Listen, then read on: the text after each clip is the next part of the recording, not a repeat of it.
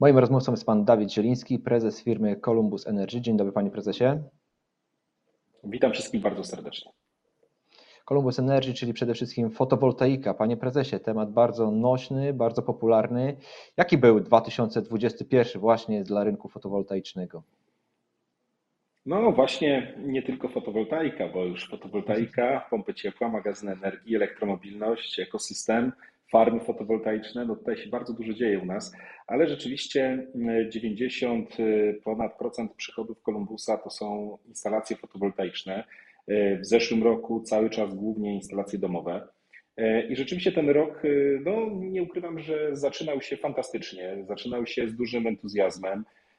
Natomiast no, myślę, że cały rynek został, no tak mówiąc brutalnie, pokiereszowany przez wydarzenia rynkowe. Pierwsza rzecz, no to wiadomo, zakończenie programu Mój Prąd i informacja o tym, że będzie nowa edycja. Zawsze, kiedy jest informacja o czymś, że coś będzie, ale tego jeszcze nie ma, to powoduje zastój u konsumentów i zastanawiają się nad tym, czy to już, czy czekać, czy nie czekać. No z punktu widzenia 25-letniej inwestycji, takiej pokoleniowej, to trzy miesiące czy pół roku, no nie jest to okres, nazwijmy to, istotny. Druga informacja rynkowa również to zawirowania i taka dosyć duża, nawet momentami brutalna dyskusja społeczna na temat nowego systemu rozliczania prosumentów i różne daty, początkowo koniec roku, finalnie 1 kwietnia wejścia w życie nowego systemu rozliczania prosumentów, no to dało bardzo duży z jednej strony momentami impuls do zakupów. Taki, takimi impulsami były te momenty, w których no już wiadomo było, że no to już za chwilę się zmieni, trzeba już teraz kupować. Potem znów przesunięcie w czasie, zmiana.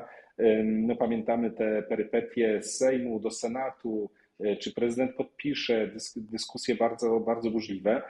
Finalnie wylądowaliśmy z nowym systemem opustów, z nowym systemem już bez systemu opustów 1 kwietnia, więc też to wpłynęło na decyzje konsumenckie, a raczej na ich, nazwijmy to taką intensywność, bo momentami ona była prawie zerowa, a momentami była, no powiedziałbym, przeładowana.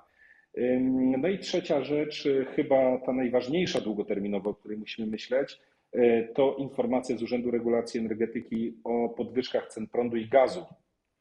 Specjalnie mówię o podwyżkach cen również gazu, bo jak się okazuje, on ma no, gigantyczny wpływ na również ceny energii elektrycznej bezpośrednio.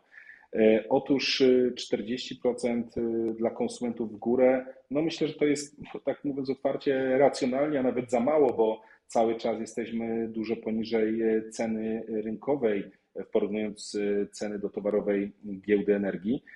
No i te ceny gazu, które rok do roku poszły cztery razy do góry na, na rynku, na towarowej giełdzie energii, a jeżeli chodzi o konsumentów, no to jest no tam plus 40%, plus 50%, no różnie te rachunki, rachunki wyglądają. Dla przedsiębiorców, no to wiemy, że jest no, rzeźni winiątek, no ale z drugiej strony, no co ma zrobić sprzedawca energii czy gazu, jak po prostu na giełdzie ten gaz tyle kosztuje. A wiemy, że to jest bardzo złożony element. Nie da się jednoznacznie powiedzieć, że to wina ETS-ów, czy to wina powiedzmy naszych sąsiadów za wschodniej granicy, czy po prostu tak się transformuje świat, rynek i po prostu te ceny będą szybować w górę do czasu, aż wszystkie kraje w Europie się przetransformują w kierunku zrównoważonej, elastycznej i rozproszonej energetyki. Tak? No, wydaje mi się, że ilość, poziom złożoności tego, tego problemu jest no, gigantyczny i nie zazdroszczę nikomu, kto musi to, ten, ten supeł rozplątywać. Ale ten rok 2021 takim krótkim podsumowaniem powiedział, że wyjątkowo skomplikowany rok. Myślę, że taki rok, który pokazał siłę niektórych podmiotów na rynku fotowoltaiki i firm, które coś więcej chcą zrobić z tej fotowoltaiki niż tylko być instalatorem i pokazał też słabość wielu podmiotów, które no, chciały szybko na tym rynku zarobić, no i zmierzyły się z rzeczywistością, która no, nie jest taka, taka oczywista i prosta. No bo jak wiemy, ktoś to oszacował w zeszłym roku, że pracuje w tej branży fotowoltaicznej, która jest jakby nie było bardzo moda, minimum 100 tysięcy ludzi, pośrednio można nawet powiedzieć, że dwukrotnie więcej. Więc no, nazwijmy to, jesteśmy jako branża pracodawcą, zaczynamy być przynajmniej bardzo, bardzo istotny. Więc myślę, że te wszystkie zmiany legislacyjne dotykają nie tylko portfeli prosumentów czy portfeli kowalskich, no ale też również pracowników. tej branży. Wspomniał Pan tutaj o wielu ciekawych aspektach. Chciałbym, żebyśmy poruszyli co najmniej kilka. Podwyżki cen prądu i gazu, o których Pan wspomniał. Czy to był taki moment, żeby też uznaliście, że teraz możemy mocniej podejść do klientów, jeszcze bardziej aktywniej oferować im nasze rozwiązania? No bo wszyscy teraz odczują to, ile faktycznie podrożeje gaz, prąd, więc to jest czas na to, żeby też szukać alternatyw. Trochę jest tak, że z naszej perspektywy dzisiaj najbardziej podwyżki cen prądu i gazu czują przedsiębiorcy, szczególnie ci mali w taryfie, w taryfie C, można powiedzieć, dlatego że oni mają dosyć e, drogą dystrybucję, plus do tego ceny energii, które oni nie wiedzą do końca, jak kontraktować dzisiaj. Zresztą mało kto wie, jak kontraktować cenę energii, więc jest to trochę dzisiaj no, taka, taka ruletka. I, I szczególnie małe fabryki, mali producenci, e, chłodnie, wszędzie tam, gdzie ta energia elektryczna y, ma znaczenie y, w kosztach danego przedsiębiorstwa. No i to jest super naturalne, że takie przedsiębiorstwo no, automatycznie praktycznie takie 50 kW za 150, 180 tysięcy złotych chce sobie szybko zamontować i chociaż w tym małym stopniu 50 kW to nie jest, umówmy się, no, gigantyczna ilość y, energii, zamontować. No tutaj prawo troszkę nas blokuje, bo jak wiemy powyżej 50 kW musimy przeprowadzać pełne pozwolenie na budowę. No jest to no, uciążliwe, bym powiedział, to, to lekko, lekkie słowo. E, szczególnie, że te przedsiębiorstwa chciały mieć fotowoltaikę y, na, jak największym stopniu na własne potrzeby. Tak? Nie chcą wysyłać tej energii do sieci, chcą tą energię zużywać, autokonsumować, więc tutaj kolejny raz wielki apel oczywiście do, do tych, którzy piszą prawo, doradzają ministrom i, i budują tą, tą naszą E, sferę mm, legislacyjną, żeby zastanowić się jeszcze raz nad tym, tymi sztucznymi ograniczeniami, no bo one powodują, że ta transformacja energetyczna się opóźnia. Z drugiej strony, mm, z drugiej strony mamy y, konsumentów, zwykłych prosumentów, domki. E, no tutaj te ceny energii, wiadomo, są regulowane w taryfie G. Poszły do góry o 40%. Taki rachunek, można powiedzieć, całkowity, mm, nie biorąc pod uwagę tych tymczasowych obniżek e, VAT-u na, na energię elektryczną, E, i, i tych dopłat dla, dla najbardziej potrzebujących, to jest to około 20% do góry. No oczywiście jest to niesamowicie za mało, żeby wyrównać e, cenę energii z tą, którą no, zakłady energetyczne, spółki obrotu, sprzedawcy energii muszą kupować na giełdzie, więc pewnie w przyszłym roku czeka nas no, druga fala takiego no, mocnego tąpnięcie kolejne w górę, e, jeżeli chodzi o podwyżkę. No i czekamy jako branża również na uwolnienie cen energii dla, dla gospodarstw domowych. To na pewno będzie trudny moment w historii naszego kraju, żeby gospodarstwa domowe, e, właściciele mieszkań e, musieli kupować energię po cenie rynkowej, ale jest temat nieunikniony, e, a żeby się przed tym obronić, żeby się na to hedżować, to jedyną dzisiaj realną alternatywą jest zakup fotowoltaiki, za chwilę z magazynem energii. Miejmy nadzieję, że będzie solidna dotacja z mojego prądu 4.0 właśnie do magazynu energii chociaż no nie są tak bardzo drogie, no ale jednak, e, żeby, te, żeby ta ekonomia była, nazwijmy to, e, poprawna politycznie, no to tutaj solidna, solidna dotacja na ten magazyn e, energii musi być. Ten element zachęty musi być istotny. No i liczymy na to wszyscy, że właśnie od drugiej połowy tego roku ruszy program Mój Prąd 4.0. Mam nadzieję, że się zsynchronizuje z tą nową ustawą. E, że będzie razem z tymi podwyżkami cen energii, które mamy, będzie jednak zachęta do, jej, do magazynowania tej energii. Fotowoltaika naturalnie dzisiaj nie potrzebuje żadnych dotacji, no bo największą dotacją jest inflacja na, na, na energii. E, I, I tutaj wiemy, że nic jej nie powstrzyma, więc te okresy zwrotu są niesamowicie racjonalne. Nawet bym powiedział, że mm, w kontekście tego, co możemy dostać dzisiaj na, na lokatach bankowych, są nieprzyzwoicie wysokie zwroty z inwestycji przy fotowoltaice. No i razem w połączeniu z magazynem energii, pompą ciepła, e, bo pompa ciepła zastępuje nam tak naprawdę przyłącze gazowe. Dzisiaj myślę, że można przeczytać w internecie mnóstwo analiz i raportów e, specjalistów, analityków o tym, że e, jednym z najtańszych form dzisiaj ogrzewania domu, ciepłej wody użytkowej i domu generalnie, jeżeli chodzi o ciepło, jest właśnie pompa ciepła powietrzna, która, pamiętajmy o tym, cały czas funkcjonuje program Czyste Powietrze. Można dostać prawie 14 tysięcy złotych dotacji do pompy ciepła, odliczyć ulgę termomodernizacyjną to kolejne 2, 3, 4 tysiące złotych e, i lądujemy w naprawdę całkiem niezłej cenie za taką pompę e, i w połączeniu z fotowoltaiką praktycznie nie potrzebujemy gazu, żeby ten dom ekonomicznie i ekologicznie się ogrzewa.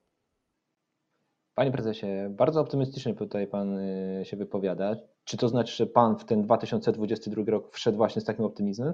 Bo przyznam szczerze, że przygotowując się do tego programu, oczywiście też po, po poszukałem informacji. No i oczywiście w temacie fotowoltaiki są zmiany, o których pan też wspominał, czyli zmiany od 1 kwietnia, które wchodzą w życie. I tytuł, jaki mnie przywitał, to koniec opłacalności fotowoltaiki od 1 kwietnia. Pan się spodziewa takiego scenariusza? E, nie, to jest oczywiście. E, znaczy, ja, ja, jestem ostatnią osobą, która zamierza się mieszać w dyskusje trochę polityczne na temat, e, na temat legislacji, ustaw, tego, co jest dobre, bądź jaka jest filozofia jednej czy drugiej strony prowadzenia polityki i prawa energetycznego, które jakby nie było jest jednym z głównych filarów i osią dzisiaj niezgody w polityce. Trzeba sobie jasno powiedzieć, że to są też tematy, na które nie ma jednoznacznych, dobrych odpowiedzi. Tak? No, nie ma dzisiaj takiej sytuacji, że mamy lek na całe zło podwyżek cen prądu i wystarczy, że wszyscy nagle y, coś zrobią i państwo za to zapłaci i będziemy no, mieć prąd y, tyle, ile 10 lat temu kosztował. Kolumbus właśnie odpalił najnowszą kampanię reklamową, która się nazywa Powrót do przeszłości, nie do przyszłości. E, gdzie przypominamy, ile kosztowało masło, chleb e, w latach 90., ile kosztowała również energia elektryczna. Mm, I rzeczywiście, żeby ta energia kosztowała tyle samo, e, to rzeczywiście jedyną dzisiaj możliwością, jak wspomniałem wcześniej, jest zakup po prostu systemu, bo to już nie jest sama fotowoltaika, tylko systemu, czyli fotowoltaika, magazyn energii, pompa ciepła, za chwilę pewnie samochód elektryczny, ponieważ transformujemy się jako społeczeństwo, też mamy nowe wyzwania Pogodziliśmy się dzisiaj y, z, z tym i tutaj do tego no nie ma raczej żadnych wątpliwości, że walka z ociepleniem klimatu jest istotna z punktu egzystencji naszego gatunku e, i trudno jest jakby, no, no alternatywą no to wierzyć w to, że Elon Musk i Richard Branson zabiorą nas na inną egzoplanetę, co myślę za mojego życia może się nie do końca wydarzyć. Więc y, no, ratujmy to, co mamy y, delikatne, i musimy się transformować. I to kosztuje. I to nie jest tylko to, że nam Unia Europejska każe, czy y, będziemy chronić miejsca pracy mm, naszego, naszej tradycji górniczej. No tutaj trzeba znaleźć jakiś, jakiś balans i niestety no, polityka próbuje, polaryzuje jakby te podejścia. No i niestety jesteśmy jako społeczeństwo troszeczkę narażeni na taką dezinformację bądź informację z tak zwaną spolaryzowaną. W zależności gdzie przyłożymy ucho, no to słyszymy różne trochę informacje. E, ale mm, e, jak ktoś dostaje rachunek za prąd albo za gaz, mm, albo idzie po prostu do sklepu, to widzi, jak wygląda e, koszt dzisiaj jego gospodarstwa domowego i coś z tym kosztem trzeba zrobić. Trzeba to wziąć po prostu w swoje ręce. A jeżeli chodzi o to, jak, jak ten rok będzie 22 wyglądał, bo, bo takie, takie było pytanie pana redaktora, no na pewno dla spółek fotowoltaicznych troszeczkę dalej to będzie rok taki, no, bym powiedział, mały roller coaster. Może nie taki duży jak w zeszłym roku, bo jednak y, ten zeszły rok był mocno nieprzewidywalny, chociaż wydawało się wszystkim nagle, o jest bardzo duży popyt na fotowoltaikę. No ale on był mocno okresowy. W danym miesiącu był bardzo duży, w innym miesiącu był bardzo niski. My też jako Columbus, żeby też y, bardziej być transparentnym, rozpoczęliśmy y, od czwartego kwartału publikowanie takich prostych, uproszczonych raportów miesięcznych, w których pokazujemy, ile zakontraktowaliśmy instalacji, ile zamontowaliśmy instalacji, y, dlaczego tak dużo, dlaczego tak mało, jakie szacujemy przychody w danym miesiącu. Oczywiście bardzo zgrubnie, ponieważ jest to nasze przychody to nie jest, nie jest tylko sprzedaż podstawowych produktów bo konsolidujemy prawie 200 spółek, więc y, ten raport nie jest taki prosty, jak wydaje się na pierwszy rzut oka, ale jednak, y, ale jednak daje to pewien obraz rynku. Zachęcam wszystkich do, do czytania tych raportów miesięcznych, bo myślę, że z czasem będziemy coraz więcej tam informacji szczegółowych podawać, które też pokazują, co się zmienia. Myślę, że ten pierwszy kwartał jeszcze będzie pod znakiem, nazwijmy to, e, końcówki rozliczania systemu opustów, e, czyli tej starej ustawy, Wiadomo, że kto zdąży ten, kto zdąży zgłosić mikroinstalację, czyli trzeba sprzedać instalację, dostarczyć komponenty, zamontować i zgłosić do zakładu energetycznego. Ten proces na szczęście w Kolumbusie chyba jest najszybszy na rynku, bo trwa 7 dni od momentu podpisania umowy do montażu i kolejne 7 dni na zrobienie wszystkich papierów. Tutaj będziemy starali się z końcem marca to skrócić do praktycznie jednego, dwóch dni, żeby wszystkich, wszystkich zgłosić. No wiemy, że na rynku ta średnia jest ponad miesiąc, więc no kto chce fotowoltaikę kupić, no to mm, myślę, że to jest ostatni dzwonek, ten luty, żeby się załapać na stary system, który ekonomicznie oczywiście jest lepszy niż ten nowy, natomiast ten nowy daje więcej możliwości. Te możliwości dzisiaj właśnie to jest to, na co my liczymy e, i pewnie dużo większych firm, e, nie tylko fotowoltaicznych, ale energetycznych, jak, jak spółki, mm, spółki no, powiedzmy niepaństwowe, e, te duże, które wszyscy znamy, a myślę, że nie moją rolą jest ich promowanie.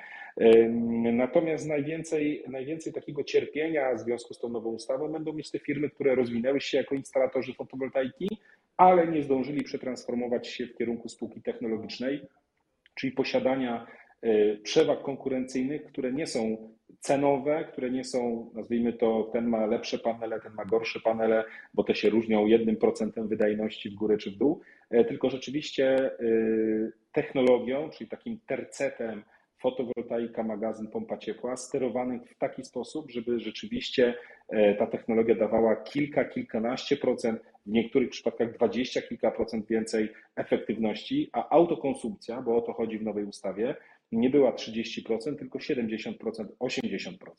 No i tutaj Columbus będzie na to gotowy. Myślę, że w połowie marca, e, kiedy będzie się kończył system opustów, my w Columbusie przedstawimy e, nasze plany, no może nasze technologie, zobaczymy, z czym będziemy gotowi, czas pokaże. Mówiąc krótko, 1 kwietnia świat się nie skończy dla fotowoltaiki. Dawid Dzieliński, prezes Columbus Energy, był moim Państwa gościem. Panie prezesie, bardzo dziękuję za poświęcony czas. Dziękuję, pozdrawiam wszystkich serdecznie.